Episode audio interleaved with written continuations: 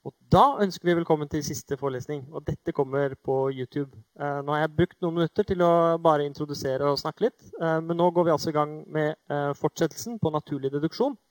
Så er det noen spørsmål, kommentarer eller innspill før vi går i gang med det, som har med naturlig deduksjon å gjøre? Nei. Det er planen at vi går gjennom resten av siste kapittel, og så reflekterer vi litt over kurset etterpå. Så la oss titte litt på hva vi holdt på med sist. da. Vi drev og laget det vi kaller utledninger. Så la oss raskt se på hva de er, eh, og hvordan de funker. Nå har jeg skrevet eh, en Det har jeg ikke. Eh, nå kommer det et bilde på skjermen. Nå har jeg skrevet en P der. Og hvis vi nå antar P og antar P pil Q, så kan vi konkludere med ved pileliminasjon at Q holder. Det dere ser der oppe nå, er en utledning. Den har en trestruktur med to løvnoder og én rotnode. Og det denne utledningen symboliserer, er at hvis du antar P og du antar P pil Q, så kan du konkludere med Q.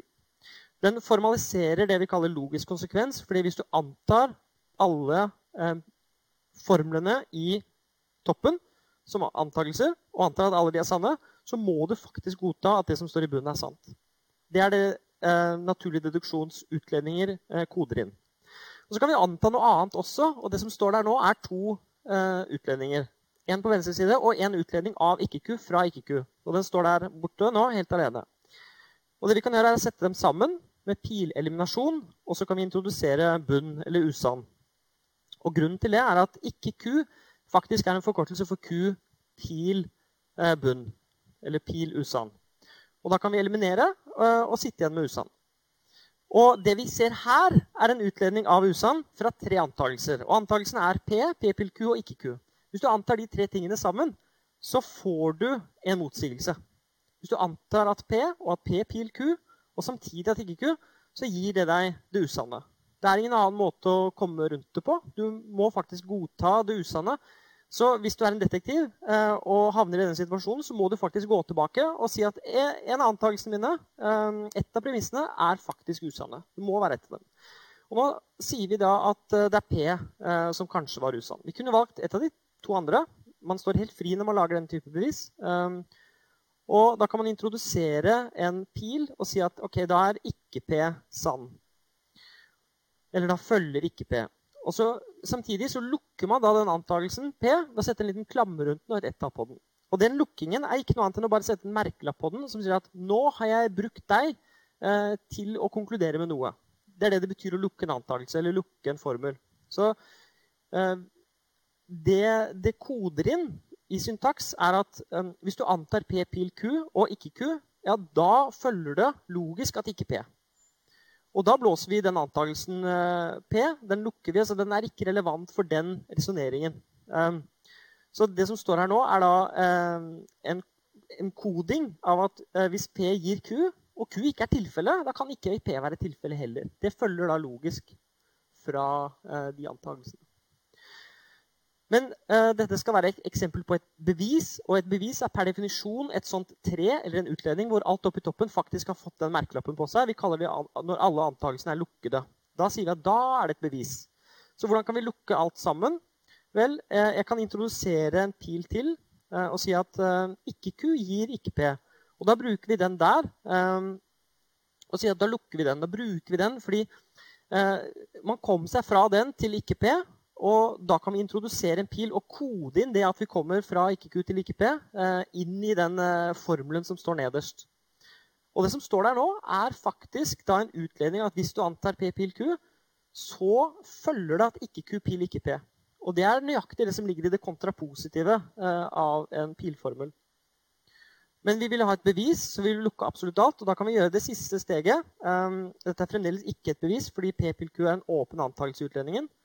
Um, og hvis vi skal klare å få et bevis, så må vi introdusere en pil til. Jeg er litt usikker på om jeg har gjort det her. Så hvis vi faktisk skal lage et bevis av det, så kan jeg gjøre det manuelt. Jeg kan sette en strek der, og så kan jeg si nå skal jeg introdusere en pil. Um, og den skal gå her oppe fra. Her oppe står det en formel. Og den formelen her skal jeg nå sette her nede. P, pil, Q setter parentes rundt den for å ikke få noen uh, stor forvirring. Og så setter jeg inn en pil. Og den pilen som står der, den, den, på en måte koder inn at her er det en uh, sammenheng mellom den formelen der og den formelen her nede. Og så skriver jeg den som står i konklusjonen. Sånn. Og det jeg nå kan gjøre, er å lukke uh, den antakelsen som jeg brukte for å komme dit. Og det er den som står her oppe. Og da setter jeg sånne fine klammer på den. Og så setter jeg det tretallet, som er det samme tretallet som står her, for å markere at nå er den lukket. Det som står der nå, er en utledning uten at det er noen antakelser igjen som er åpne, kaller vi dem. De som ikke har fått merkelapp på seg. Så alle har blitt brukt um, og fått merkelapp på seg. Så alle antakelsene er lukkede. Og da kaller vi dette et bevis. Så per definisjon er et bevis en sånn utledning hvor alt oppi toppen er lukket. Og det som karakteriserer bevis, er at det som står i bunnen, faktisk er gyldige formler. Så dette er en måte å lage syntaks av det vi gjør når vi faktisk resonnerer.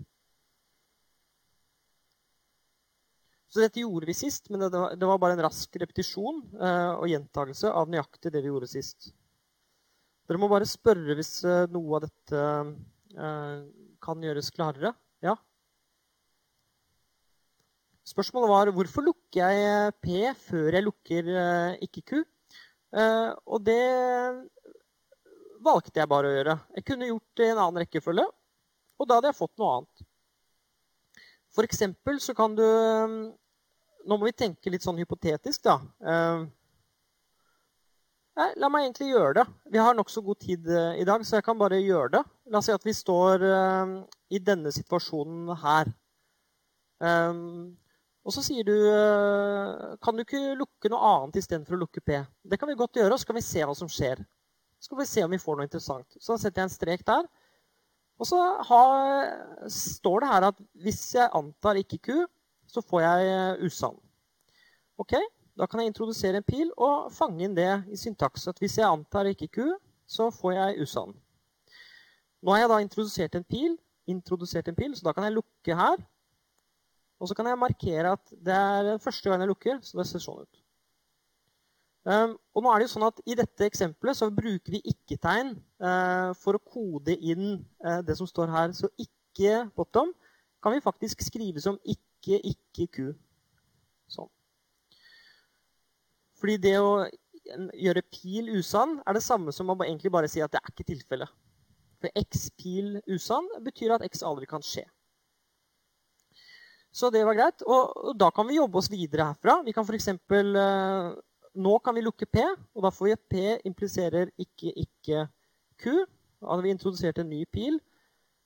Altså pilintroduksjon. Og så kan vi si at nå er den lukket. Så setter vi totall der. Det vi sitter igjen med nå, er én åpen antakelse. Det er at P impliserer Q. Eh, og en konklusjon det er at P impliserer ikke ikke-Q. Så, og det dette forteller oss, er at hvis du faktisk antar at P impliserer Q, ja, da må du også godta konklusjonen at P impliserer ikke ikke-Q. Og dette er en annen utledning for en annen formel. Og så kan vi igjen lukke hele greia hvis vi faktisk ønsker det vi kaller et bevis. Og så kan vi si nå vil vi lukke denne. Og si at ok, det er tredje gang vi lukker noe. Så vi, markerer vi det.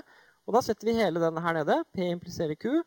Og så sier vi at det impliserer at P impliserer at ikke ikke Q. Så da tar jeg den øverste biten der, den, og setter der. Og så tar jeg den nederste biten, den, og setter der. Og da har jeg et bevis for en annen formel. Så naturlig deduksjon er eh, et system for å fange inn hvordan vi resonnerer fra antakelser.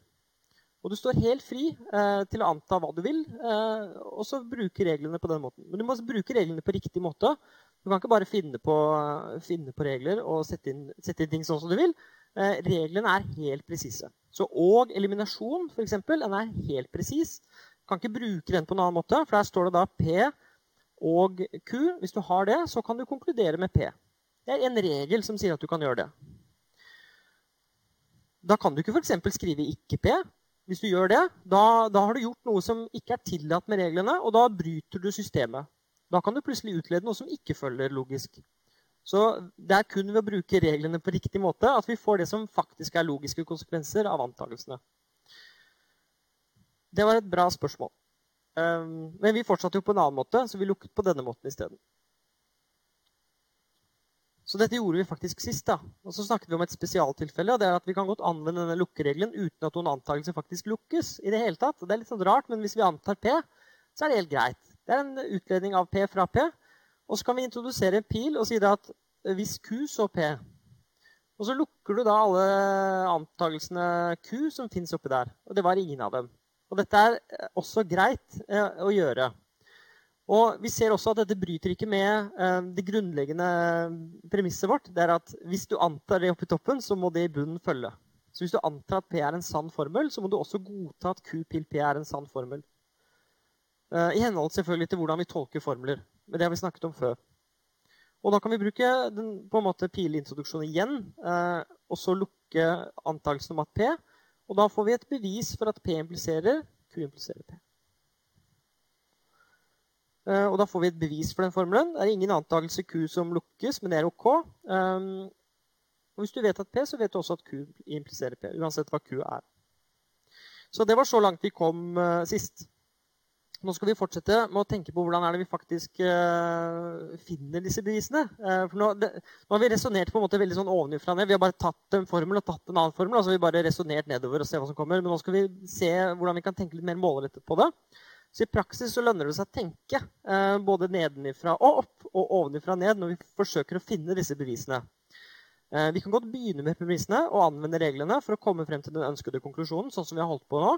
Vi kan også begynne med konklusjonen. Og så kan vi resonnere oss eh, frem til hva premissene må være. ved å spørre hvilken regel var det som ble sist anvendt for å få akkurat denne konklusjonen. Så Vi begynner med en formel, og så ser vi på hvilken måte kan vi få denne. Det skal vi gjøre nå. La oss se på et eksempel. Så la oss ta denne formen her, som er litt sånn sammensatt. Eh, det første vi må gjøre, er jo bare se på den og se om vi kan skjønne litt av hva den er, og hva den gjør. Vel, hva slags type formel er det? Det er det første spørsmålet man må stille seg. Og det vi ser er at det er en pilformel, fordi denne her pilen det er det som står ytterst. Og så står det at hvis det der er sant, så er det der sant. Så hvis P impliserer Q impliserer R, og når jeg ser den, så ser jeg for meg en liten sånn maskin. Ja. Og maskinen spiser en P, og så gir den Q pil R. Og det er en ny maskin som spiser en Q, og som gir, gir en R.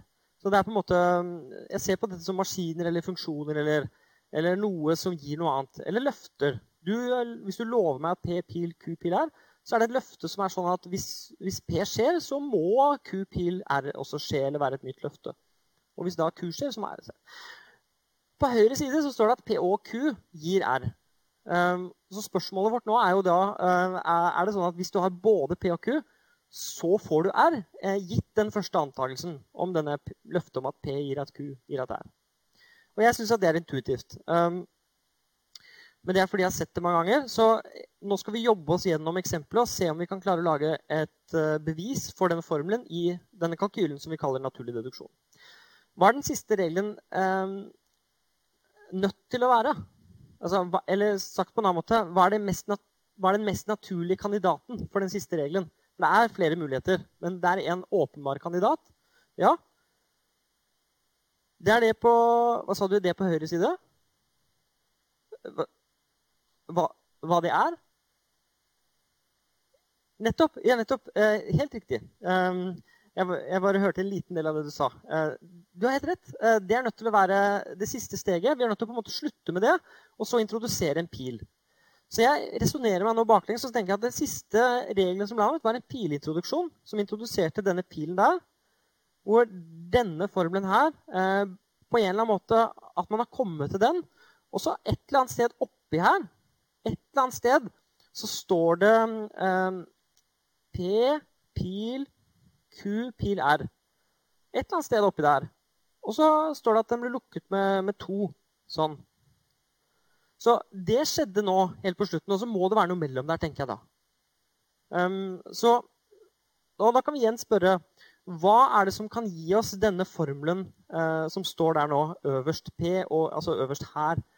Um, den formelen der. Uh, hva er det som kan gi oss den? Vel, det må være noe som introduserer R.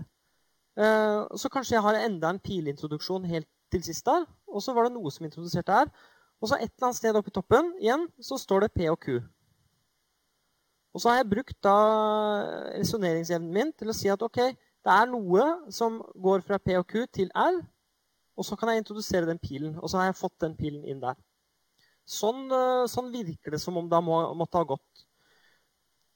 Og nå er vi i en litt interessant situasjon, fordi nå kan vi begynne å resonnere ovenifra og ned med de to som står i blått der nå, eh, P og Q på den ene siden, og P gir at Q gir at R. Hvis dere har de to tingene sammen, kan dere få R på en eller annen måte. Det er det vi ønsker oss nå. Vi ønsker å få R på en eller annen måte fra de to der. Så hvis, bare tenk dere da at dere faktisk har en, en, en P og en Q. Du veit at uh, de to er sanne, og så veit du at hvis P er sann, så er Q pil R også sann. Kan du da resonnere deg frem til at R må være sann? Og jeg påstår at uh, ja, fordi hvis P og Q er sann, så må P være sann. Og da kan du plugge den inn i den der borte, og så får du Q pil R. Men så har du også Q, så kan du plugge den inn i den, så får du R. Det er i hvert fall min intuisjon om uh, de formlene. Så da tenker jeg meg at uh, i det siste steget, før jeg skal få R, så har jeg nok sannsynligvis brukt den der og den her. Er dere ikke enig i det? At de to sammen eh, gir meg R. Så skal jeg bare anta, bare for, nesten for moro skyld, at det er det siste steget som står her at jeg bruker de to formlene eh, i akkurat det steget, og så tar jeg en pileliminasjon, og så poff, så er R der. Og nå lurer jeg på, er det sånn at jeg kan, Nå har jeg to delproblemer. Jeg må komme meg til Q, og jeg må komme meg til Q pil R. Fra det som fremdeles står oppe i toppen. Og jeg ser at avstanden mellom uh, disse to er ganske kort. Fordi det er faktisk bare en pil. Nei, det er ikke en pil, det er en og-eliminasjon. Sånn. Og det er faktisk nå uh, det uh, vi har. Så kan jeg pusse bort den. Og det må det være der. Og vi, vi ser også at P og Q er lukket. Så nå er problemet mitt hvordan kan jeg komme fra den som står i blått oppe til øret nå, til Q pil R? Er det noen som ser det? Hvordan, hvordan, hvordan ser veien ut fra det der oppe i blått til Q pil? Hva trenger jeg sammen med det blå der for å få Q pil? Tenk på dette som ressurser. Eh, jeg har det som står i blått. Jeg har at P gir um, Q pil. Hva må jeg da ha for å få Q pil? Det er et veldig retorisk spørsmål. Hva er det som mangler, på en måte? Hva er det jeg kan plugge inn i P pil Q pil her for å få Q pil her? P, roper noen ut. Uh, fordi hvis P er sann, og hvis P pil Q pil er sann, så må Q pil R være sann. Så da påstår jeg at det siste steget over her faktisk ser sånn ut. Og nå har jeg faktisk fått den jeg har her oppe. Uh, og den som står oppe der, blir også lukket da i det nederste steget. Um, men det virker som den P-en bare henger og slenger. Så hvordan kan jeg få den P-en? Vel, uh, i dette steget her uh, pilintroduksjon 1, så lukket jeg uh, P og Q. Det betyr at jeg faktisk kan ha P og Q her også, uh, og lukke den i samme steg. Og det er en måte å få P på. Og det er faktisk sånn at Hvis du resonnerer deg baklengs på denne måten, så er det nesten ingen annen måte å tenke på um, enn dette. Så det de gir seg nesten selv eh, hvis du, hvis du resonnerer baklengs. Så når dere faktisk får en oppgave som eh, gir et bevis for denne formelen i naturlig deduksjon, så er det naturlig å ta formelen og så spørre seg eh, hva er den siste regelen som ble anvendt. Eh, hvordan kan jeg få dette? Og så nøster du derfra. Hvordan kan jeg få det? Hvordan kan jeg få det? Hvordan kan jeg få det? Eh, og så bare resonnere seg tilbake til hva antakelsene må være. Og så ønsker man jo da at alle antakelsene skal være lukket i det eh, treet man får helt til slutt. Så dette er det samme beviset som vi faktisk har sett tidligere, men da resonnerte vi ovenifra det. Men nå har vi jobbet oss nedenfra opp. Så ved å spørre seg hvilken regel ble anvendt for å få denne konklusjonen, så finner man som regel raskt frem til hva som må være premissene.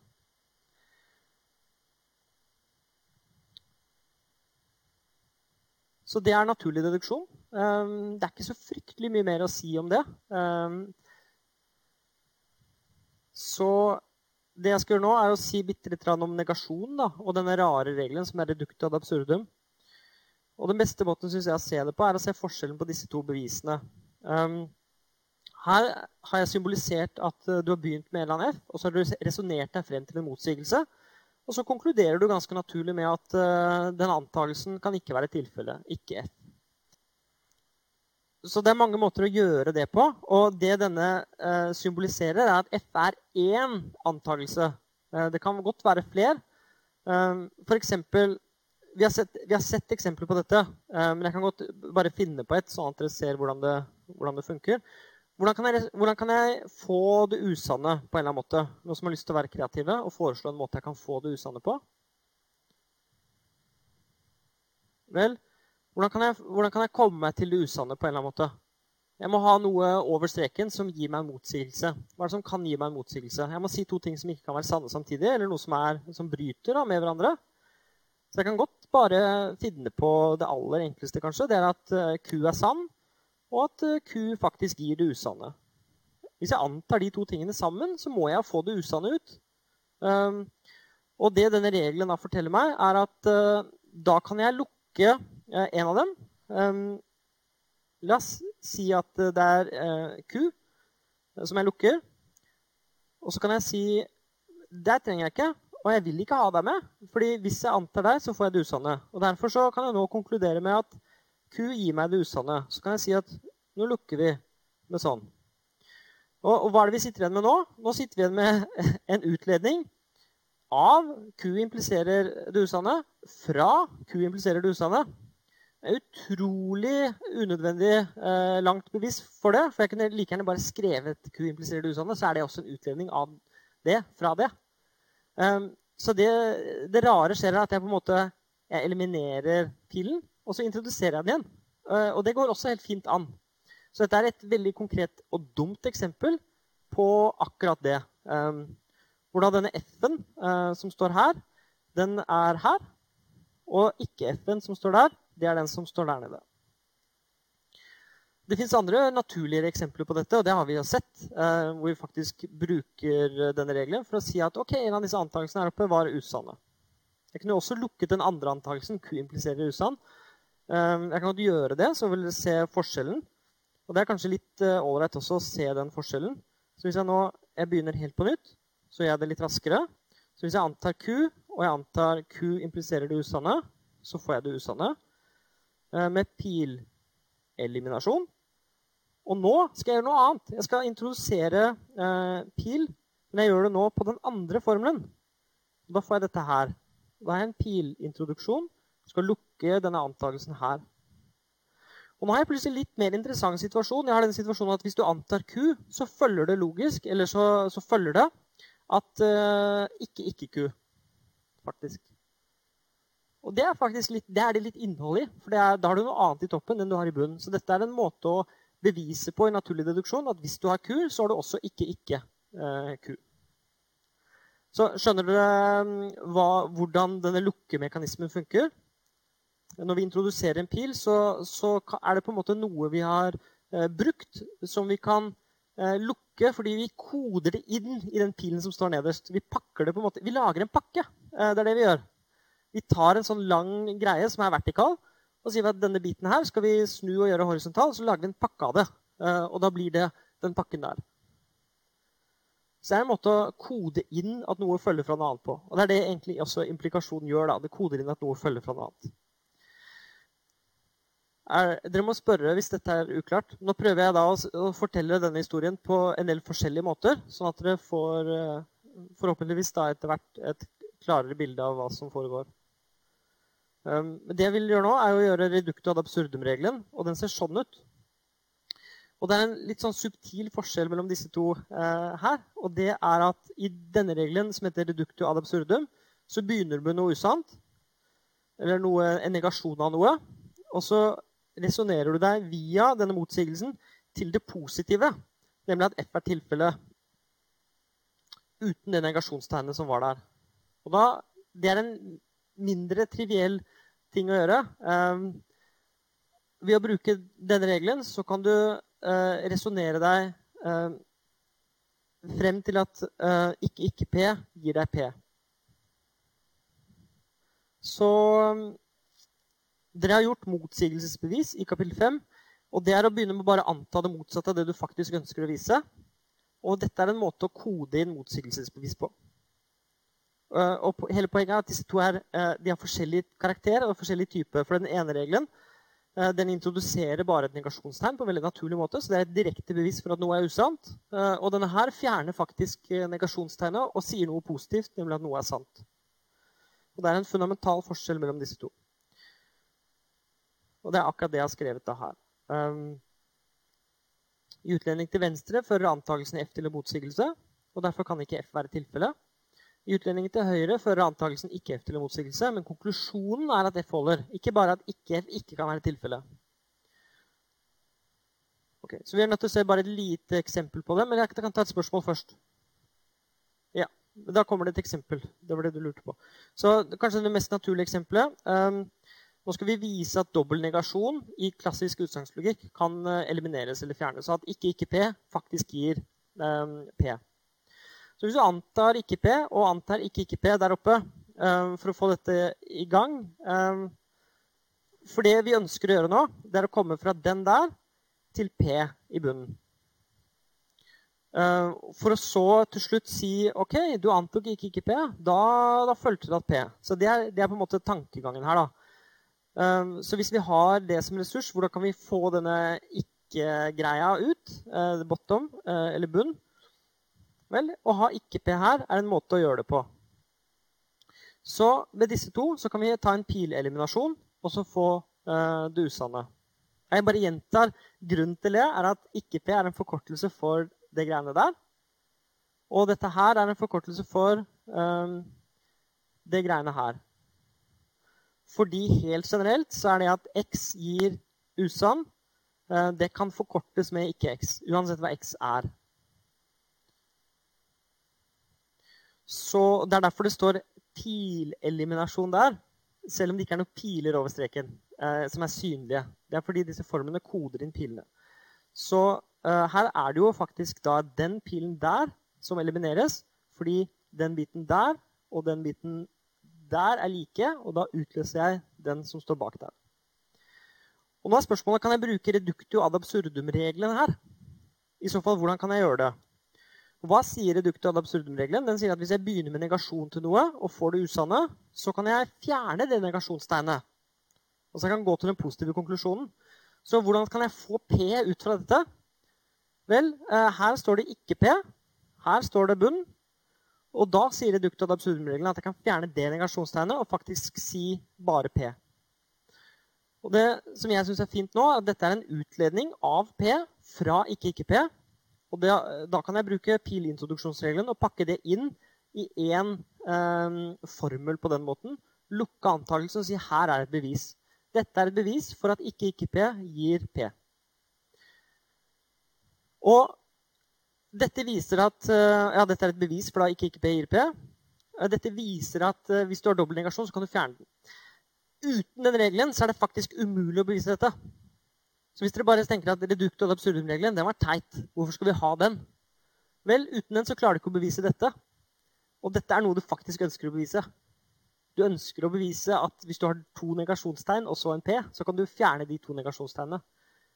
Hvis du ikke hadde hatt med denne regelen i naturlig deduksjon, men kun de reglene som jeg har sett, så ville ikke det gått.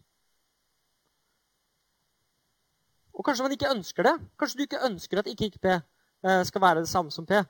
Og naturlig deduksjon uten denne regelen kalles for intuisjonistisk logikk. Dette toucher vi bitte litt inn på i kapittel 5. Um, men det kalles også konstruktiv logikk. Um, og konstruktiv fordi man stiller strengere krav til hva et bevis er. Så dette prinsippet kalles veldig ofte for ikke-konstruktivt. Um, eller klassisk. Så hvis man har denne regelen, så får man det som kalles klassisk utsagslogikk. Det er litt på grensen av hva som er pensum for dette kurset, men jeg synes at det er viktig å tenke på altså, Alle reglene er der uh, av veldig gode grunner. Altså Og-eliminasjonsreglene, pil-eliminasjonsreglene uh, og intro, pil-intro, bottom-regelen, som sier at hvis du har bottom, så kan du få hva som helst. Uh, og så da denne redukt ad absurdum-regelen er der nettopp av denne grunnen her.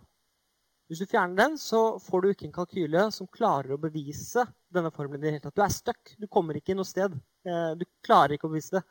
Uansett hvor mye dere prøver, og hvor, uansett hvor kreative dere er, så får dere ikke til å vise den formelen som står nederst i den utledningen der. Det er nå dere skal ha en sånn flora av kreative spørsmål. Så, så, eh, så jeg gir ordet til dere.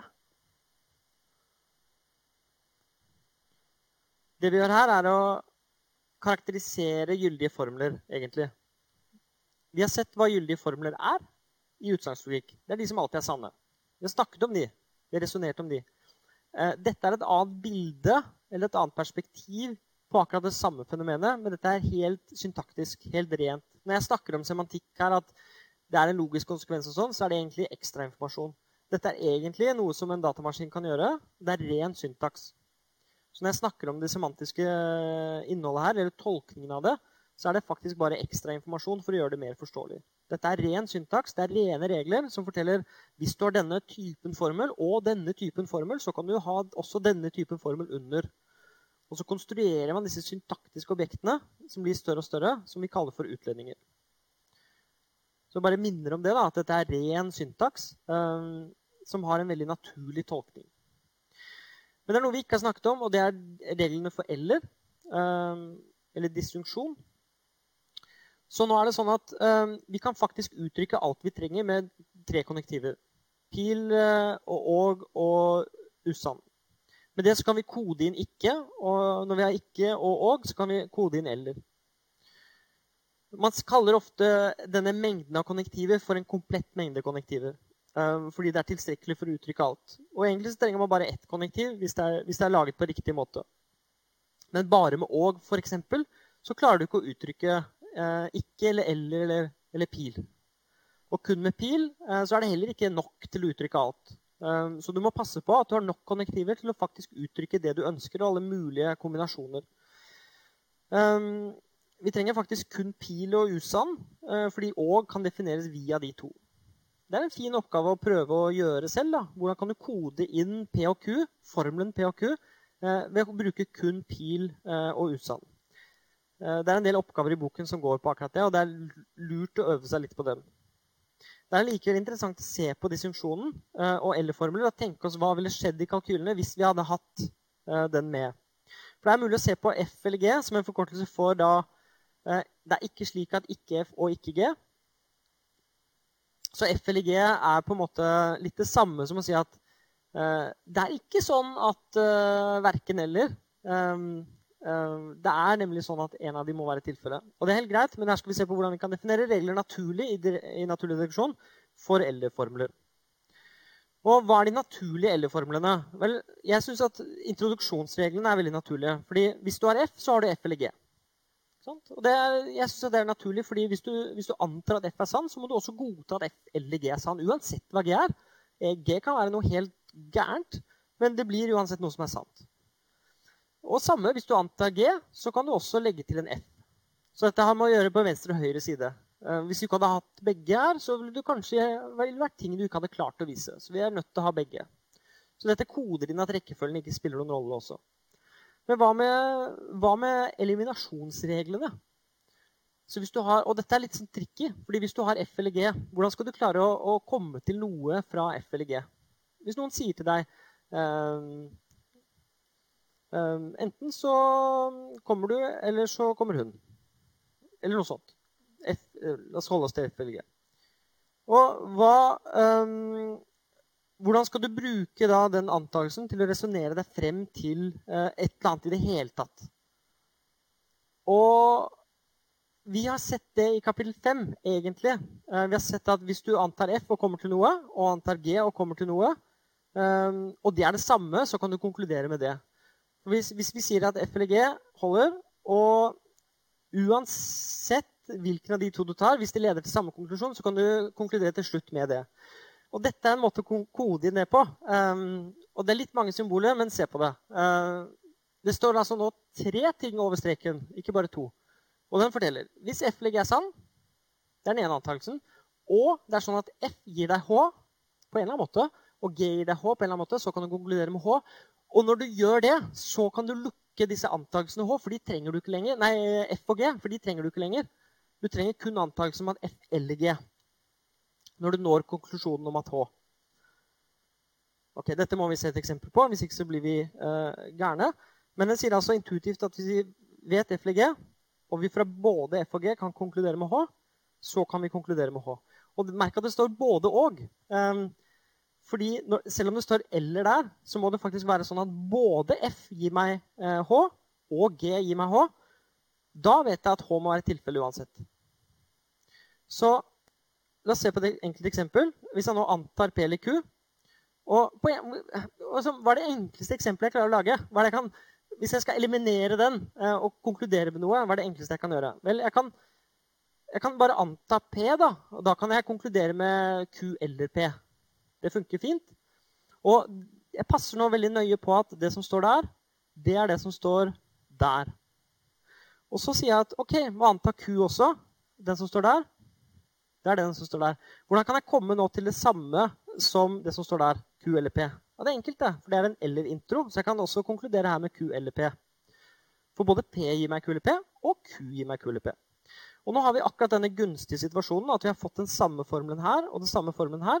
Da kan vi sette en strek og si da kan vi eliminere denne eller-formelen. Eh, Egentlig så fjerner man ikke den, men man eh, Dette er måten å gjøre det på i alle tilfeller. Det er det man kaller eller-eliminasjon. Så du bruker det som er kodet inn i L-en, til å komme frem til noe. Eh, så strengt tatt så er det jo ikke en eliminasjon, for det, det symbolet står jo fortsatt der. Eh, men, men man kaller det det, da. Så er, og så kan vi ta en pilintroduksjon bare for uh, skjønnhetens skyld, kanskje. Og nå har vi klart å lage da, et naturlig deduksjonsbevis for at P eller Q impliserer Q eller P. Så hvis noen hadde spurt om det uh, Bevis i naturlig deduksjon at P eller Q uh, impliserer Q eller P. da er dette svaret.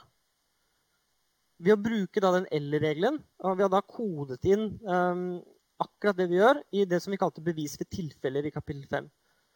Hvis det er kun to tilstander verden kan være i, og hver av de tilstandene så er det noe som er tilfelle, da må det være tilfelle uansett. Så hvis jeg nå sier 'hvis du kommer på festen, så blir jeg glad'.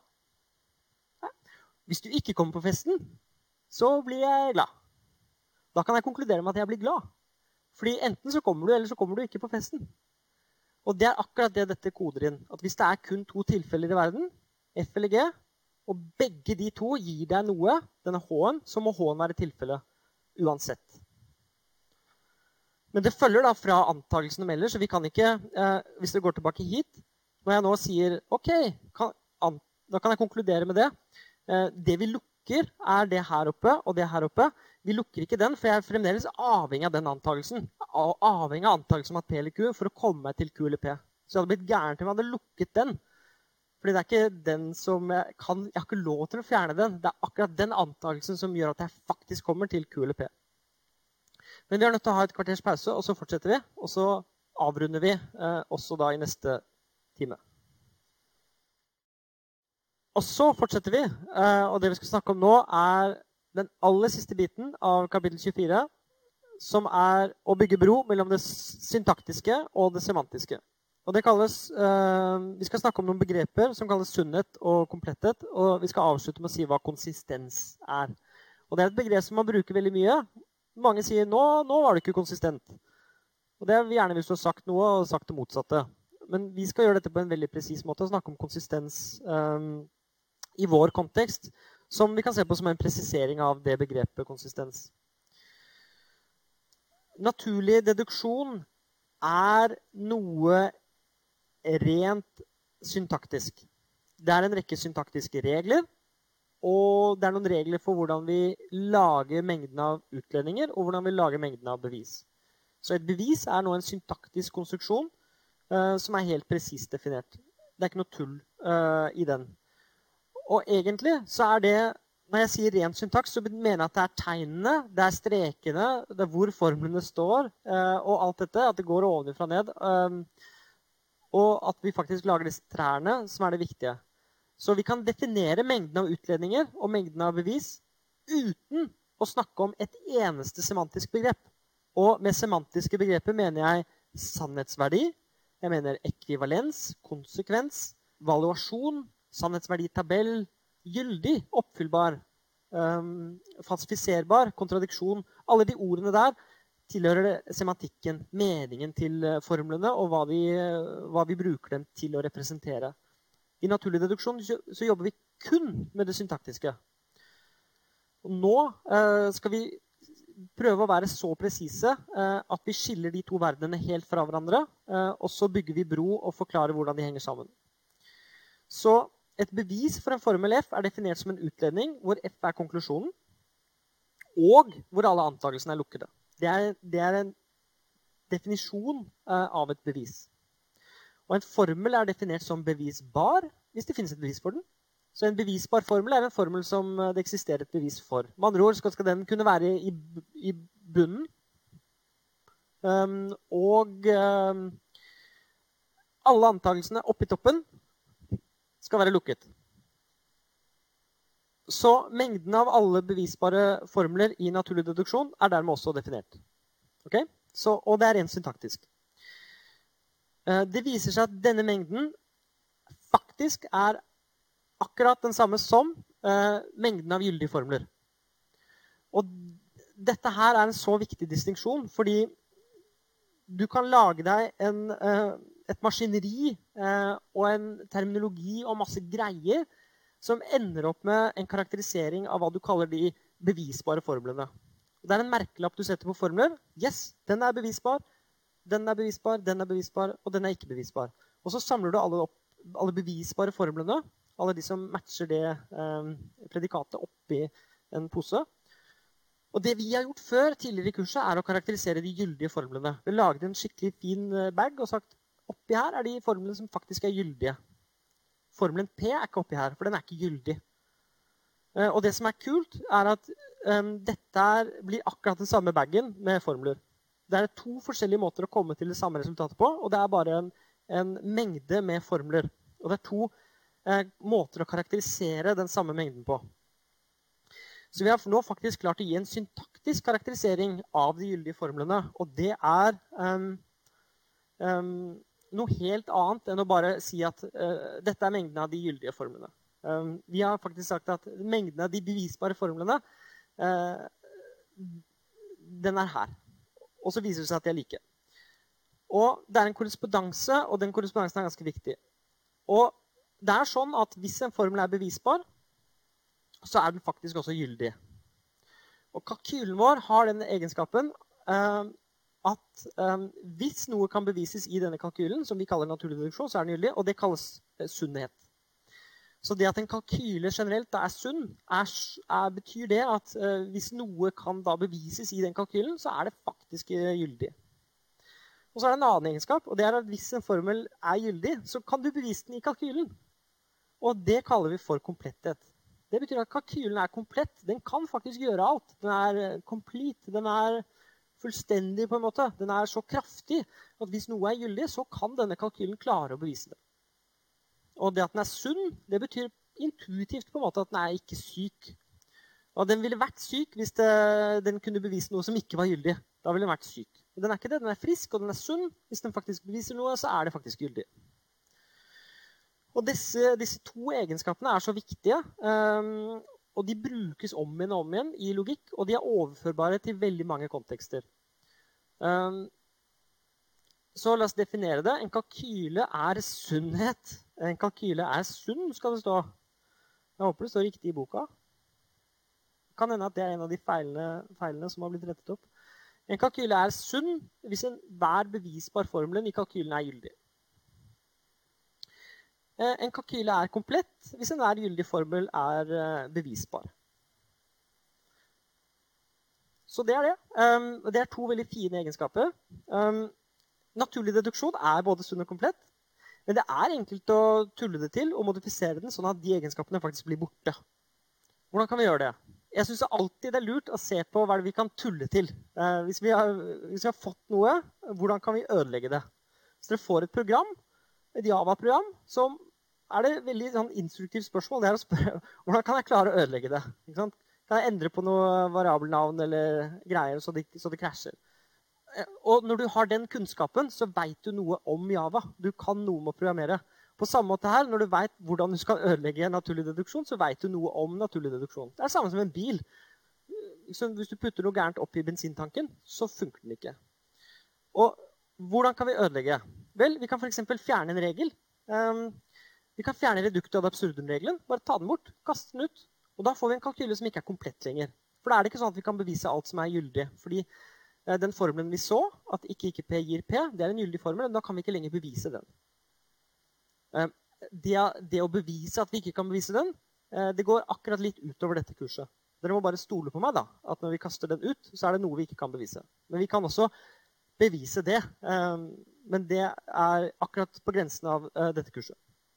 Hvordan kan vi miste sunnhet? Hva er det vi kan gjøre for å lage en syk kalkyle som ikke er sunn? Hvordan kan vi vri, hvordan kan vi ødelegge den? Er det noen som har et forslag til det? Er dere i et sånn destruktivt humør i dag? Vil dere ødelegge en kalkyle? Så har dere muligheten nå. Jeg syns det er veldig gøy å ødelegge kalkyler, men uh, det er nå meg, da. Um, ja.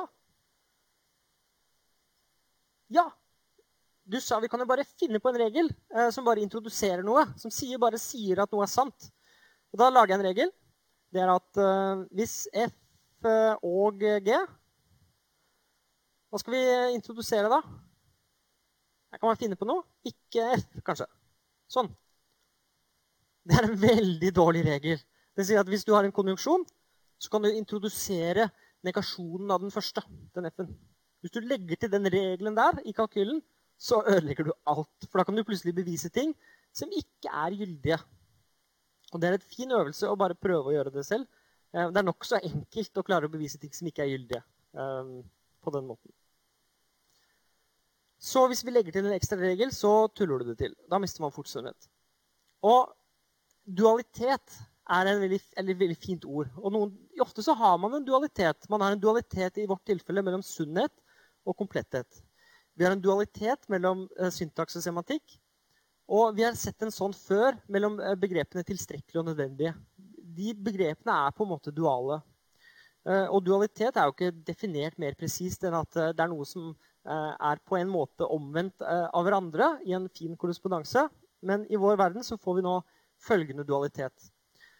Gyldighet det er et begrep vi har innført. Det er et semantisk egenskap, og det er universelt utsagn. Fordi dens definisjonen av gyldighet sier uh, for alle evaluasjoner så er det sånn at denne evaluasjonen gjør denne formelen sann. Eller for enhver uh, førsteordensmodell så er det sånn at denne modellen gjør denne formelen sann. Så det er et universelt utsagn hvordan du vender og vrir på det. Så uh, gyldighet er et universelt utsagn. Og det er en semantisk egenskap. Er, er dere med meg på det? Så Gyldighet snakker ikke om, om, den syntaktiske strukturen. Den sier noe om sannhetsverdien, måten vi tolker det på. På den annen side så har vi nå snakket om bevisbarhet. og Det er en rent syntaktisk egenskap. Det er en syntaktisk karakterisering av eh, at en formel har en egenskap. Det er, en, er en eksistensielt utsagn. fordi det at uh, noe er bevisbart, betyr at det finnes et bevis. Det eksisterer et bevis. Og det er et eksistensielt utsagn om at noe fins i verden. Og det er et bevis eh, for denne formelen. Med andre ord, Det er en utledning hvor denne formelen er i bunnen. Og det er et trestruktur, og alt oppi toppen er lukket. Så det er et utsagn om at det fins et bevis. Dere kan godt bytte ut det med at det fins et program. Det fins et Java-program som har en bestemt egenskap. Ehm, det er også en syntaktisk egenskap. Eh, at det faktisk eksisterer en sekvens med, med, med symboler og tegn Eh, det er en syntaktisk egenskap. Um, og vi har nå sagt at disse er i korrespondanse med hverandre. Og det som er fint, er at sunnhet av kalkylen det gjør at vi kan gå fra bevisbarhet til gyldighet. For Hvis vi vet at noe er bevisbart, så må det også være gyldig.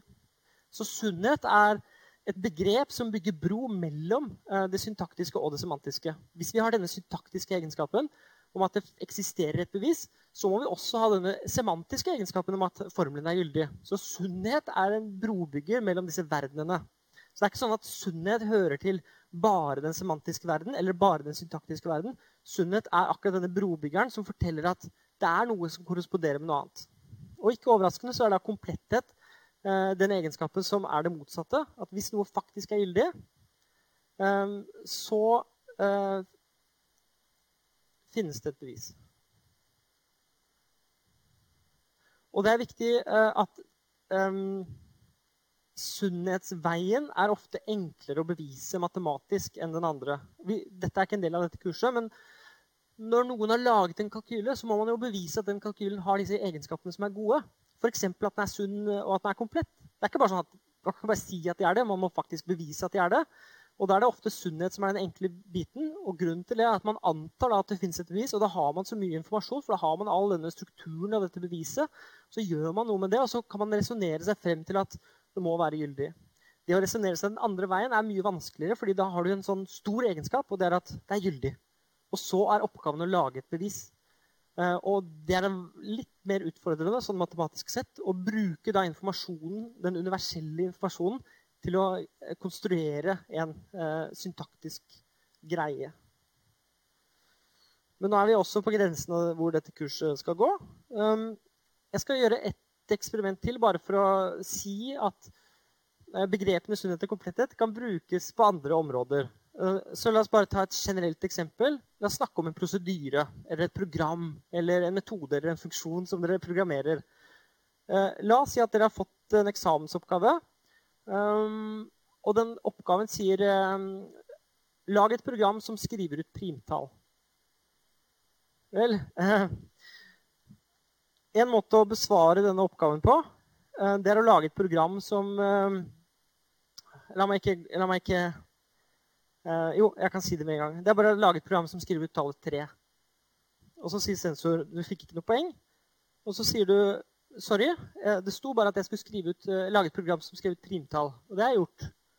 Programmet skriver ut tallet 3. Og 3 er et primtall, sist jeg sjekket. Um, og så sier sensor men jeg mente jo ikke det. Jeg mente som skriver ut alle primtallene. Å ja, sier du da. Ja, men da kan jeg gi deg dette programmet. Og det skriver ut alle tallene. 1, 2, 3, 4, 5, 6, 7, 8, 9, 10, 11, 12. Nei, nei, nei, nei, sier sensor. Uh, jeg mente du skulle skrive et program som skriver ut alle primtallene, men ikke, ikke noe annet. Å ja, så det er det du mener. Og det vi var gjennom nå, det var uh, først at kandidaten uh, laget noe som var sunt, men ikke komplett. Og så laget kandidaten noe som var komplett, men ikke sunt. Og så fant kandidaten ut at det skal være både sunt og komplett. Så sunnhet av en prosedyre, hvis vi bruker dette som overført, det er at faktisk alt som skrives ut av denne prosedyren, er faktisk primtall. På samme måte som i kalkylen. Alt som kalkylen karakteriserer som bevisbart, er faktisk gyldig. Så alt er på en måte bra. Det er en frisk prosedyre. Det er en frisk greie. Komplettet kompletthet er at alle primtall faktisk blir skrevet ut. På samme måte i vår verden så er det sånn at alle gyldige formler må før eller komme som eh, bevis. Så en prosedyre kan være sunn uten å være komplett. Eh, og vår, med disse primtallene så blir det da f.eks. dette. 2, 5, 7, 11, 17, 19. Uh, alle de er primtall, så det er på en måte den litt mer avanserte variantene uh, enn å bare skrive tallet 3. Uh, men det er akkurat det samme prinsippet. Det mangler noe. Det mangler noen, noen primtall. 13 for eksempel, er ikke med, og 13 må jo være med, for 13 er et primtall. Men den er sunn fordi alt er et primtall. Men den kan også være komplett uten å være sunn. og du kan bare, La oss si du tar to, og så tar du alle oddetallene. Jeg tror det er riktig. Ja. 3, 5, 7, 9, 11, 13, 15, 17, 19. Altså, vi kunne godt tatt alle de naturlige tallene også. 1, 2, 3, 4, 5, 6, 7. Den, fordi så hvis noen Ikke siter meg på dette, men hvis uh, dere får i eksamensoppgave, lag uh, et program som skriver ut alle primtallene. Uh, så vil det logisk sett være helt korrekt å lage et program som skriver ut alle de naturlige tallene. Men ikke siter meg på det. for veldig ofte er det underforstått at det ikke skal være noe annet. Men hvis noen sier bare alle, uten å si bare også, så som regel ønsker vi begge deler. Og igjen så er vi inne på dette med tilstrekkelig og nødvendig. Og hele denne grunnen til at man er i sånne rettssaker, så, så, sier man ofte ja, jeg lover å si sannheten. Eh, og bare sannheten. Og grunnen til at man sier det, er at La oss si du hadde sagt jeg lover å si sannheten. Og så står du og ljuger, eh, og du sier masse ting. Og så, ja, men jeg sier sannheten. Men jeg sier også mye annet. Eh, så derfor så legger vi til da det skal være sannheten og bare sannheten. Så du vil at når du står og gir, avgir vitne i en rettssak, så skal du være både sunn og komplett. Og kanskje som mellom oss mennesker også, at vi faktisk ønsker en, en sunn og komplett kjæreste. Hvis dere skjønner hva jeg mener med det. Kan dere gruble på. Um, fint. Um, noen flere logiske begreper sånn på tampen. Og dette er altså helt uh, på randen av uh, kurset, men, det er kanskje en fin uh, oppsummering. Alle begrepene vi snakker om her, er sunnhet og kompletthet, og sånn gjelder for både utsagnslogikk og førstehåndslogikk. Vi har ikke gjort kalkyler for førstehåndslogikk, men vi kunne gjerne gjort det. Det er andre kurs her på instituttet hvor man lærer seg kalkyler for førstehåndslogikk. Um, vi har tidligere definert ordene teori, aksiom og teorem for førsteordenslogikk. Jeg vet ikke om dere husker det eller har lest det, men en teori sa vi bare en mengde med formler. Det er greit, en mengde med formler. Og en aksiom det er noe som er oppi den mengden. Så Det er bare sånn vi karakteriserer teorier. Og et teorem det er noe som følger logisk fra den mengden.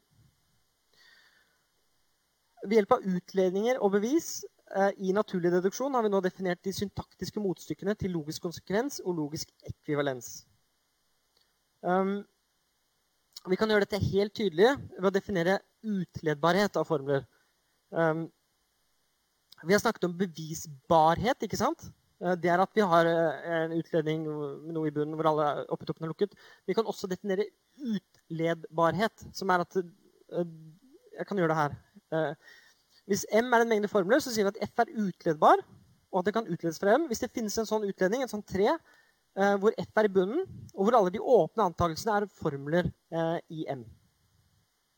Så det som står her nede M, også det tegnet der F og vi skriver Det betyr at det fins en utledning hvor F er i bunnen.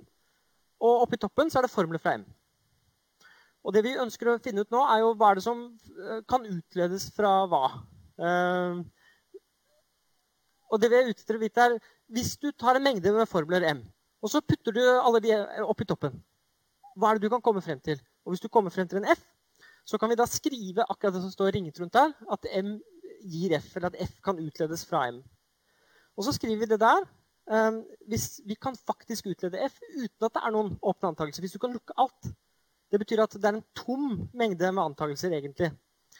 Og hele grunnen eh, til at jeg bare introduserer den notasjonen, det er for å kunne skrive sunnhet og kompletthet på en utrolig kompakt måte. Og sunnhet blir da at hvis du fra, F, eh, hvis du fra M kan utlede F og det det betyr, er at du har, du har altså F i bunnen, en svær utledning, og så har du liksom noen formler her oppe, M1, M2, hvor alle disse her kommer fra eh, mengden M. Hvis du faktisk har det, så er det sånn at F er en logisk konsekvens av M. Det er det sunnhet koder inn. Så sunnhet eh, det er på en måte noe som tar deg fra den syntaktiske verden til den semantiske verden. Og det er nesten akkurat samme symbolet. Det er bare en, ekstra strek på den eh, semantiske. Og det er en vanlig konvensjon som mange bruker eh, for å bare antyde at nå er det noe semantisk vi snakker om, nå er det noe syntaktisk vi snakker om. Og ikke overraskende så blir det da kompletthet det er altså at Hvis F følger logisk fra en mengde antakelser M, ja, ja, så kan du utlede den fra M også, da. Det er kompletthet. Så hele grunnen til at jeg sa denne notasjonen, eh, var egentlig å kunne vise dere det der. At det er en veldig kompakt måte da, å uttrykke denne, eh, denne egenskapen på, denne metaegenskapen. Er det noen spørsmål til det? Um, det er ikke så viktig med den notasjonen. Det er mye viktigere med prinsippet. At du har noe som er en brobygger mellom det syntaktiske og det semantiske. Det kaller vi sunnhet. Um, og vice versa. Men tenk på intuisjonen om eh, primtallene og programmet som printer ut primtall. Hvis noe printes ut, så er det faktisk et primtall. Det er, det er sunnhet. Og hvis alle tall printes ut, så Alle primtallene da, faktisk printes ut, så er det komplett. Så um, så prosedyren M skriver ut F. Jeg leser det som det. da, Skriver ut et tall F. Ja, da må det være tilfelle at uh, F er et primtall på en eller annen måte. Sånn semantisk sett. Så, så det, det, man kan bruke den samme intuisjonen på det der, da. Da er det en siste ting jeg vil si, og det er jo konsistens. Um, det er et veldig fint begrep. Og nå er vi da i stand til å definere det presist. Um, vi har definert en teori som en mengde med formler. Så kan man bare si at En teori det er bare en mengde med formler, og så er det på en måte verdenen vår. Kanskje det er, kanskje det er en formel som uh, representerer at noe er refleksivt. Kanskje noe er transitivt. Um, det er også vanlig å definere en teori slik at den er lukket under utledbarhet. Uh, og det vil si at hvis um, teorien T gjør at du kan utlede F, så er F også med i T. Dette er en veldig avansert sånn lukkingsegenskap. Men den sier at hvis du har en mengde Det er liksom teorien min. En kul, kul mengde. Teori for et eller annet. Og så er det sånn at noe oppi der um, kan utledes fra det som er oppi der. Så tar jeg det bare med. Så jeg bare metter med absolutt alt som, uh, som, kan utledes fra det som er oppi der. Så fortsetter jeg å putte inn og putte inn og putte inn, og putte inn helt til det blir fullt. Sånn at, fullt i den forstand at alt, absolutt alt som følger, er oppi der. Da har jeg en teori. Veldig ofte så er i, eh, i teorien så er det det som kalles en teori. Um, en sånn mengde som bare er på en måte full, uh, hvor du ikke kan legge til noe mer. Um, semantisk sett så svarer det til at uh, den inneholder alle sine logiske konsekvenser. Absolutt alt som følger logisk fra den, uh, det som er oppi der, er også med der. En helt essensiell egenskap i en teori når dette begrepet om utledbarhet er definert, det er at vi ikke kan utlede både en formel og dens negasjon fra teorien. Og når vi ikke kan det, så kaller vi det en konsistent teori. Så vi sier at en mengde formler, helt generelt, eh, er konsistent hvis det ikke er mulig å utlede både en formel og dens negasjon fra den mengden. Den, jeg ser at den definisjonen er definert for en mengdeformler helt generelt. Det kunne like gjerne stått en teori er konsistent hvis det ikke er mulig å utlede en formel og dens negasjon fra den. Det er helt intuitivt så betyr det at hvis du antar noe, eh, hva som helst, og hvis du ikke klarer å utlede en motsigelse fra det, så er det konsistent. Det betyr at det faktisk er mulig at det er sånn. Men hvis du på en eller annen måte lurer deg inn sånn som vi gjorde tidligere i dag, og, og, og resonnerer deg frem til en motsigelse, så er du uh, ille ute. Da har du laget deg noe som er inkonsistent. Hva må du gjøre da? Nei, Da må du rydde opp. Da må du fjerne noe, sånn at det faktisk blir konsistent, det du sitter igjen med. Hvis du ikke gjør det, så, så, er du på en måte Du kommer aldri til å komme noe konstruktivt uh, av sted fordi uh, du faktisk har en motsigelse innbakt i aksjonene dine. Og Nå beveger vi oss litt inn på sånn vitenskapsteori og vitenskapsfilosofi. fordi um, en god teori for et eller annet, om det er klima eller hjerte eller, eller aids, eller hva som helst, så vil du jo at den skal være konsistent. Og det konsistens vanligvis betyr, i en sånn vitenskapelig forstand, det er fritt for selvmotsigelser. Det er ikke noe tull. Uh, og vi har nå presisert det via begrepet om utledbarhet. Fordi vi har sagt at ok, her er mengde formler. Og nå har vi sagt sånn syntaktisk hva det vil si at noe følger fra den mengden formler. Hvis du har P og P-pil Q, da får du Q. Hvis du har Q, og så har du Q-pil R, så får du R. Og så fortsetter vi sånn. Og hvis du ikke kan komme til noe gærent på den måten, ved å ta med deg alt du får, uh, så kaller vi det for konsistens. Og Det betyr også uh, at det går an å lage en modell eller en tolkning av formlene som gjør alle formlene sanne samtidig. Det er også en bro mellom konsistens på den ene siden og oppfyllbarhet på den andre siden. Det står beskrevet i boken, men jeg skal ikke ta det nå. Og da må jeg spørre uh, Er det noen spørsmål nå? Det er siste gangen jeg kommer til å spørre om det. Ja?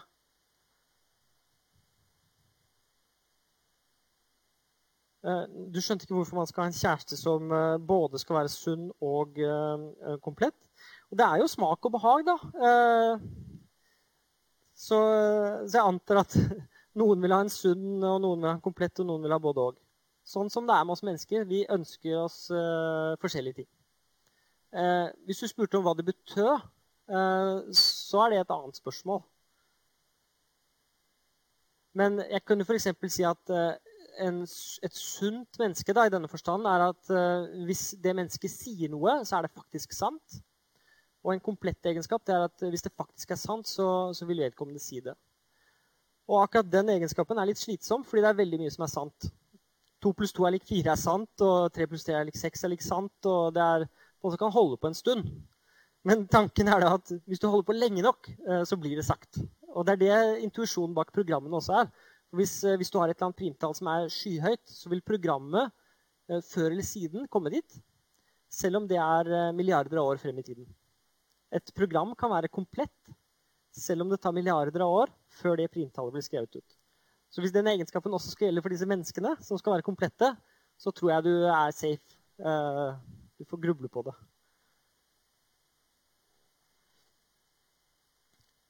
Er det noen andre spørsmål til naturlig deduksjon? Eh, eller for så vidt noe som helst annet som jeg snakket om i løpet av kurset. Eh, vi er ved veis ende. Dette er siste kapittel eh, i et nokså omfattende pensum. Trøsten er at det er ikke så fryktelig mye i hvert kapittel som er essensen i kapittelet. Um, så det er en sånn hard kjerne der. Men hvert kapittel um, dekker jo da det ene eh, på forhåpentligvis mange forskjellige måter. Sånn at det er forståelig. Ja? Eh, spørsmålet var uh, hvor mange poeng trenger man for å få de forskjellige karakterene på eksamen. Og det er uh, aldri satt. Og grunnen til det er at det avhenger så veldig av den konkrete eksamen. hvis eksamen er bitte litt vanskeligere enn tidligere år, så, er det enklere å få en god karakter. Hvis eksamen er lettere enn foregående år, så er det litt vanskeligere når det gjelder poengsummen. Da, da må man ha høyere poengsum. Snittet for å få en A, så så må man jo være opp og snuse på 90 eh, riktig et eller annet sted. Og grensen for å stå i det hele tatt, den varierer jo eh, fra kontekst til kontekst. Og, og, den er veldig avhengig av eksamen. Um, men den prosentandelen riktig poeng har jo variert fra ikke, eh, 25% riktig til 50 et eller annet sted. Og det, det er igjen veldig avhengig av eh, innholdet i eksamen. Jeg håper jo at dette kurset er nyttig uh, ikke bare for å få en karakter uh, som kan komme videre, men uh, jeg tolket ikke spørsmålet litt sånn. Um, men eksamen er en fin måte å øve seg på. Det er, men det er alltid sånn at vi ser individuelt på eksamenene også. Det er ikke bare poengsummene som gjelder. Um, så veldig ofte så er man i tvil. Så ser man på noen som har fått 70 poeng.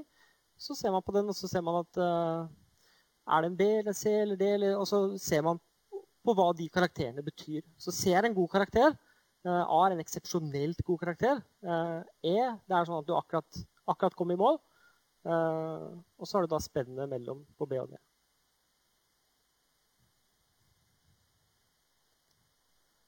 Så jeg har litt lyst til å gå tilbake til kapittel 0 ja, og se på hva vi gjorde der. For det er, del, det er noen ting der som kan være nyttig uh, for eksamen, og det er noen ting der som som det er, eh, det er pass, passende å komme tilbake til da. For nå er vi på et annet sted.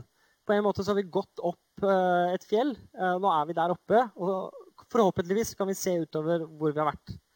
Så kapittel 0 handlet om faktisk det vi snakket om i hele kurset. kunsten å tenke abstrakt og matematisk. det ble veldig konkret i kapittelet om partisjoner og ekvivalensklasser. For da grupperte vi alle de tingene som var identiske, i samme mengde. Eh, I dette kapittel 0 så begynte vi å snakke om sannhet, definisjoner, antakelser, bevis, språk, aksiomer og teoremer uten at vi faktisk hadde definert det. Vi bare slang de ordene ut, og så sa vi litt om hva de betød. Jeg tenkte at vi skulle titte litt på det, um, på hva vi sa da, og se om det gir mening. Så vi begynte å, si noe om abstraksjon, og der er det et dypt poeng um, som går igjen hele tiden. Det er at vi, vi lærer oss det å abstrahere uh, og tenke abstrakt ved å repetere noe mange ganger. Ved å gjenta noe veldig mange ganger. Det er som om du spiller et pianostykke, og når du har spilt det 100 ganger, så begynner det å, å dukke opp et mønster. Det er et eller annet som har skjedd eh, i løpet av de 100 gangene som gjør at du, du forstår musikken litt bedre, og du veit hvor du skal putte fingrene. Og Mengdetrening er bra, men mengdetrening må også suppleres med forståelse. Jeg har ikke noe tro på å sitte og regne og regne og regne og regne. og regne og regne og regne og regne og regne og regne, og regne. Uh, må, man må reflektere og tenke på hva er det faktisk som følger. Så disse eksemplene var jo begynnelsen av kapitlet. Hva er det neste tallet i rekken?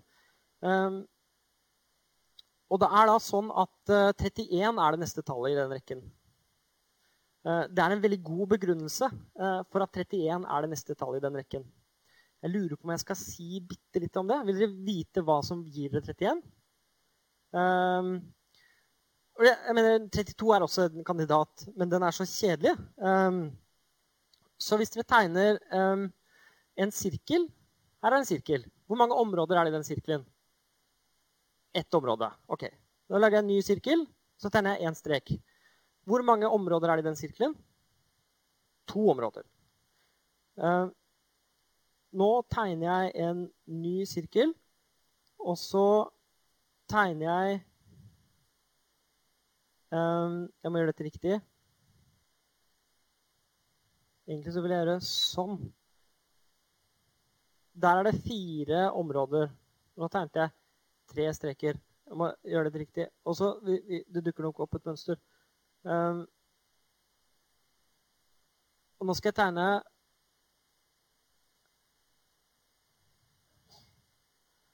Spørsmålet mitt nå er hvor mange områder er det i den eh, sirkelen der?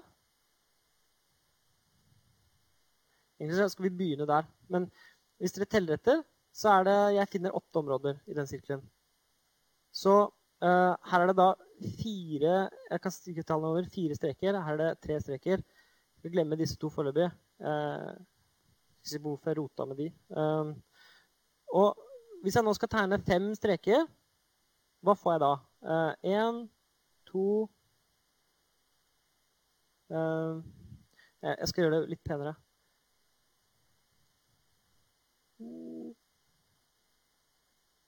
Sånn.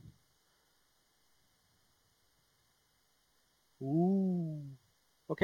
Um, hvor mange områder er det i den? Hvor mange områder er det i den? Det er 1, 2, 3, 4, 5, 6, 7, 8, 9, 10, 11, 12, 13, 14, 15, 16. Uh, nei. Og da kom uh, svaret. Det jeg gjør, er å ta en sirkel, og så tegner jeg uh, um, noen punkter på den sirkelen. Så her tegner jeg fire punkter. Her tegner jeg fem punkter på sirkelen. Og så tegner jeg inni der det vi faktisk kaller den komplette grafen. Jeg tegner streker mellom alle prikkene. Eh, så det er ikke antallet streker. Eh, det er en annen oppgave som går ut på det. Hvis du tar en sirkel, og så slicer du en gang, og så en annen gang med to streker, og så tre streker, så skal du telle hvor mange, hvor mange områder får du da. dette er et annet problem som går ut på å ta en antall punkter, og så tar du og teller områdene du får. Og hvis du nå tar den her, og så tegner du seks eh, punkter Sånn. Så tegner du streker mellom alle dem. Det gidder jeg ikke gjøre nå. Uh, hvor mange områder får du da? Da får du 31. Og dette kan dere tenke på selv. Dette går an å uttrykke som en rekursiv formel. Det er litt mer avansert. Uh, det er ikke pensum i det hele tatt, men det går an å uttrykke det som en rekursiv formel. Um, Eh, og det går an å finne en eksplisitt formel for antallet eh, områder eh, som du kan dele en sirkel inn i ved å sette n punkter eh, rundt på sirkelen. Og da får du 31 da, i det tilfellet.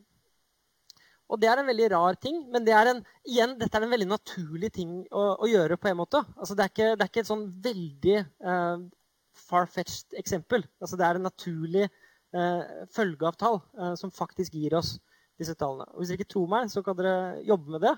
Uh, og hvis dere tror det er 32, så må dere komme og vise meg det. Her er 32 områder. Men det kommer dere ikke til å klare. Så har vi snakket om antakelser. Ja, det var et spørsmål. Oh, jeg husker ikke. Um, nei, jeg husker ikke. Jeg var litt redd for det spørsmålet. Um, det er nå jeg skal si at det fins en nettside som heter jeg har sagt det før, tror jeg, men Online Encyclopedia of Integer Sequences. Og den Nettsiden er sånn at du bare kan skrive ned hvilken som helst tallsekvens. Eh, og så får du vite alle naturlige fortsettelser av den tallsekvensen. Og her ser vi at det står 1, 2, 4, 8, 16, og så 31. Maximum number of regions obtained by joining endpoints around the circle by straight lines. Også antall regioner i forespace formed by n-1 hyperplanes. Sånn er det. Så det er en veldig fin uh, ressurs. Og vi har snakket om å tenke fra antakelser. Det har vi snakket masse om. Um, og vi sa da, vi skal sjekke om det stemmer nå. Uh, logiske argumenter brukes for å trekke slutninger, gjerne kalt teoremer, fra en rekke grunnleggende antakelser, gjerne kalt aksiomer. Det var det vi sa helt i begynnelsen om hva teoremer og aksiomer er. Og jeg står for det. Det er noe vi gjør. Vi antar noe, og så ser vi hva som følger. Vi har snakket masse om språk. Eh, vi har brukt definisjoner, og det bruker vi hele tiden. Og Veldig ofte så er definisjonene svaret på spørsmålet om hvorfor. Noen spør om noe i denne boken eller i kurset, eller en annen sammenheng. Hvorfor er det sånn at? Og svaret er veldig ofte fordi det er definert sånn. Og der er man støkt. Man kommer ikke lenger Eh, man kommer ikke lenger tilbake enn det. Eh, vi tar noen valg når vi definerer ting, og så fortsetter vi derfra. Og så kan man godt resonnere om psykologien og konteksten bak en definisjon. Kanskje det var en dårlig definisjon. Det fins et begrep som en som heter Imre Lakatosh uh, har skrevet om, som heter monster barring. Og det må jeg nesten bare nevne. Um, hvis du på en eller annen måte lager deg en teori og finner ut at det går gærent Det er noe som plager deg, det er noe som uh, skjer i den teorien som ikke burde skje. Det du kan gjøre da, er å bare definere teorien din sånn at det aldri skjer. Det er på en måte ekvivalent på å jukse litt. Det er å si det at nei, sånn går det ikke an. Sånn kan du ikke gjøre. Uh, sånn fins ikke. Og da definerer man bare en teori, hvor, hvor, og så definerer man ut det man ikke ønsket. Og han kalte det for monster barring. Og det er på en måte en veldig dårlig ting å gjøre. Du bare definerer bort det du ikke ønsker. og sier at um, dette her uh, fins ikke. Det er som å spille sjakk med noen, og så, og så sier du nei, nei, du kan ikke rokere. Uh, du endrer på reglene. Det går ikke an å rokere. Det er ikke lov. Og det, er, og det er på en måte Og det lønner seg ikke. Det er moralen der. Um, da har jeg sagt det. Um, og det er en liksom feig måte å redde seg ut av en vanskelig situasjon på. da. Men definisjoner er viktige, og de er normative, og de bestemmer alt vi gjør. Uh, vi har snakket litt om bevis. I begynnelsen, Vi har nå gjort det presist, men i begynnelsen så sa vi da følgende Et bevis for en påstand er et resonnement som gjør at vi blir overbevist om at denne påstanden er sann under visse antakelser.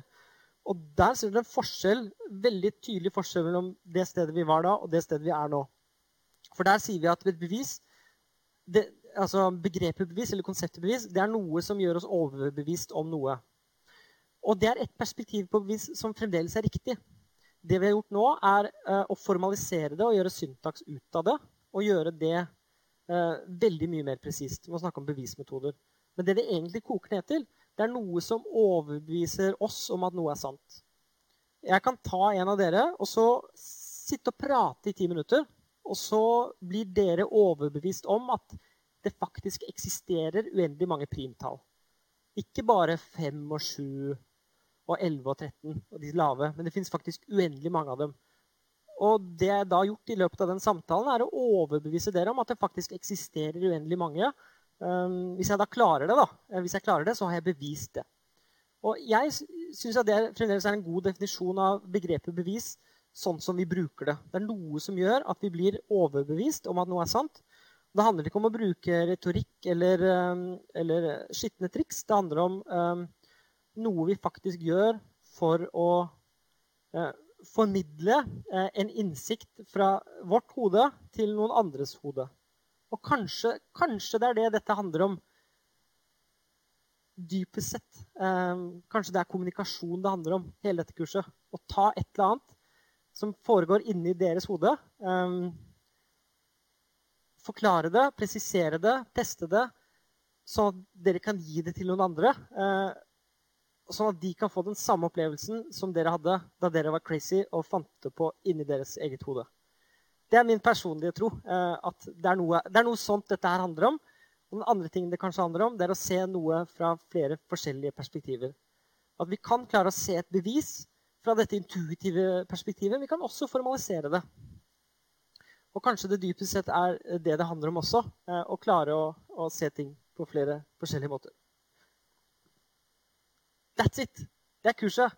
Kurset er over. Eh, det blir en avslutningsfest på fredag, eh, og alle er hjertelig velkommen. Takk for nå.